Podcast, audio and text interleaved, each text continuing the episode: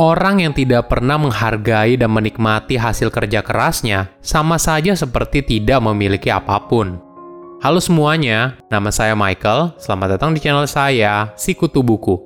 Kali ini saya akan bahas buku Happy Money karya Ken Honda. Sebelum kita mulai, buat kalian yang mau support channel ini agar terus berkarya, caranya gampang banget. Kalian cukup klik subscribe dan nyalakan loncengnya Dukungan kalian membantu banget supaya kita bisa rutin posting dan bersama-sama belajar di channel ini. Buku ini membahas seni orang Jepang dalam berdamai dengan uang. Seringkali uang menjadi sumber ketakutan, stres, dan kemarahan. Tidak jarang juga, uang menjadi penyebab sebuah hubungan menjadi rusak dan hidup yang berantakan. Itu adalah satu sisi dari uang.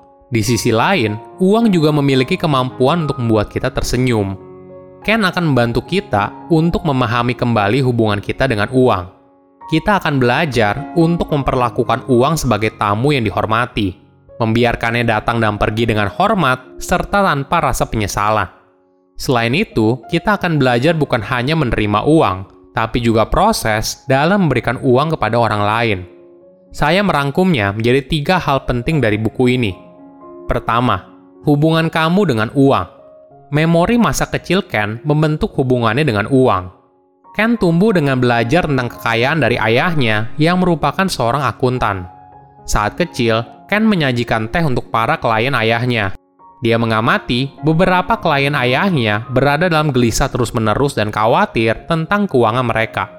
Tidak peduli apakah situasi keuangan mereka sedang dalam kondisi baik atau tidak, situasi yang gelisah dan khawatir membuat kliennya kehilangan uang. Di sisi lain, Ken juga bertemu dengan tipe klien ayahnya yang berbeda. Ada tipe klien yang terlihat damai dan bahagia, pada akhirnya akan menjadi lebih kaya. Mereka ibaratnya memiliki pemahaman yang lebih dalam tentang bagaimana uang menjadi faktor dalam kehidupan mereka. Bagi mereka, uang bukanlah seperti permainan atau barang yang harus dikumpulkan terus-menerus, tapi sebagai alat positif untuk mendukung hal penting dalam hidup mereka. Dua tipe klien ayah Ken yang berbeda mungkin membuat kita bertanya, apakah kekayaan berasal dari pendekatan yang tenang dan damai tentang uang, atau apakah keberuntungan dan kecerdasan mengarah pada kekayaan, yang pada akhirnya menciptakan pendekatan yang tenang soal uang. Barulah ketika kuliah, Ken bertemu dengan istilah happy money atau uang yang bahagia. Saat itu, kenalan yang ditemui Ken di sebuah pesta mengambil dompetnya dan mulai memeriksa uang yang ada di sana. Dia lalu menggunakan istilah uang yang bahagia untuk menjelaskan uang yang ada di dompet Ken. Uang dapat berasal dari pengalaman dan emosi positif atau negatif. Perasaan itu pada akhirnya dapat mengaruhi seluruh pengalaman keuangan kamu. Ken membaginya menjadi dua, happy money atau uang yang bahagia, dan sad money atau uang yang sedih. Uang menjadi uang yang bahagia ketika digunakan dengan kegembiraan dan cinta. Contohnya seperti ini, seorang anak laki-laki berusia 10 tahun yang membelikan bunga untuk ibunya pada hari ibu.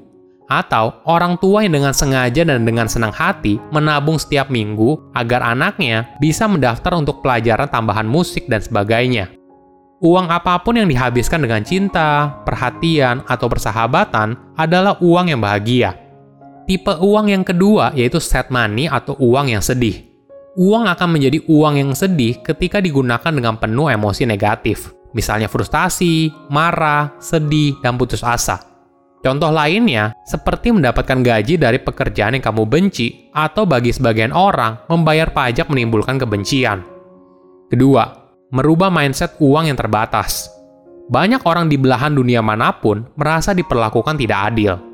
Banyak dari kita percaya bahwa ini adalah zero-sum game, sebuah situasi di mana orang lain jika memiliki sesuatu, maka kita tidak akan dapat memilikinya. Kita punya kepercayaan bahwa jika orang lain memiliki banyak uang, mereka secara otomatis merampas uang yang kita miliki.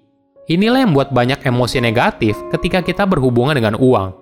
Pendekatan kita dengan uang sering kali berisi rasa takut, cemburu, dan keserakahan kita berusaha mengambil uang sebanyak yang kita bisa, kapan pun kita bisa mendapatkannya, namun tidak memikirkan bagaimana tindakan kita bisa berpengaruh terhadap orang lain. Cara berpikir ini sangat berbahaya. Ketika kita mendapatkan hal yang kita mau, kita tidak akan pernah merasa cukup, karena akan selalu ada yang lebih besar, lebih baik, dan lebih menarik yang ada di luar sana. Dan jika kita tidak memilikinya, maka kita akan merasa ketinggalan. Ini adalah pola pikir kalau uang adalah sumber daya yang terbatas. Uang bukanlah sumber daya yang terbatas, tapi sumber daya yang berkelimpahan. Perubahan pola pikir ini akan membuat kita mampu melihat kemungkinan baru, lebih kreatif, dan bebas dalam menciptakan tujuan yang kita inginkan. Pendekatan sebagian orang tentang uang biasanya diturunkan dalam keluarga mereka. Orang tua mereka juga mendapatkannya dari orang tua mereka lagi. Namun, kenyataan ini jangan jadi penghalang kita untuk punya hubungan yang berbeda dengan uang. Kita masih bisa menciptakan uang yang bahagia. Perlu kamu ingat, mungkin ketika orang tua kamu berhubungan dengan uang, waktu itu mereka masih muda, belum berpengalaman, dan rentan terhadap segala macam kesalahan. Bayangkan situasi orang tua kamu saat itu, jika kamu bisa bersimpati dengan situasi dan kondisi mereka, maka kamu akan mulai menyadari kenapa mereka membuat kesalahan tersebut. Dari simpati, lalu kamu akan belajar memaafkan mereka, dan ketika kamu sudah melakukannya, maka hati kamu akan terasa lebih ringan. Kamu bisa memutus rantai uang yang sedih dengan memaafkan orang lain, dan sama pentingnya dengan memaafkan diri sendiri atas kesalahan keuangan yang mungkin pernah kamu buat. Hal ini penting karena ketika kita berdamai dengan masa lalu, luka itu tidak lagi menjadi penghalang bagi kebahagiaan kita saat ini. Ketiga, menjalani hidup dengan penuh syukur. Untuk hidup dalam energi uang yang bahagia, kita harus menciptakan kondisi di mana kita terus-menerus mengungkapkan penghargaan yang dalam atas energi yang mengalir dalam hidup. Kita bersedia untuk memberi dan menerima daripada terus mencengkram apa yang kita miliki. Energi positif dari rasa syukur bekerja untuk kita dan dampaknya mampu mengundang lebih banyak uang ke dalam hidup kita. Ada dua jenis orang yang harus kita pahami. Pertama, mereka yang selalu menghargai dan berucap syukur. Kedua, mereka yang selalu menemukan apa pun untuk disalahkan atau dikeluhkan. Menurut kamu, manakah yang akan menjadi magnet uang? Orang yang menghargai kehidupan lebih disukai, lebih mudah didekati, dan lebih menarik. Akibatnya, mereka mengundang semua jenis peluang ke dalam hidup mereka. Tentu saja, ada saat-saat ketika segala sesuatu tidak berjalan tepat seperti yang sudah direncanakan. Namun, hati yang selalu mengatakan terima kasih di setiap tantangan hidup akan memberikan kita ketahanan mental yang kuat.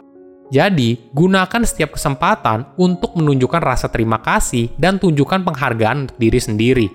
Jika kamu hidup dengan penuh rasa syukur, hidup kamu akan dipenuhi dengan keajaiban yang tak terduga berasal dari aliran uang yang bahagia.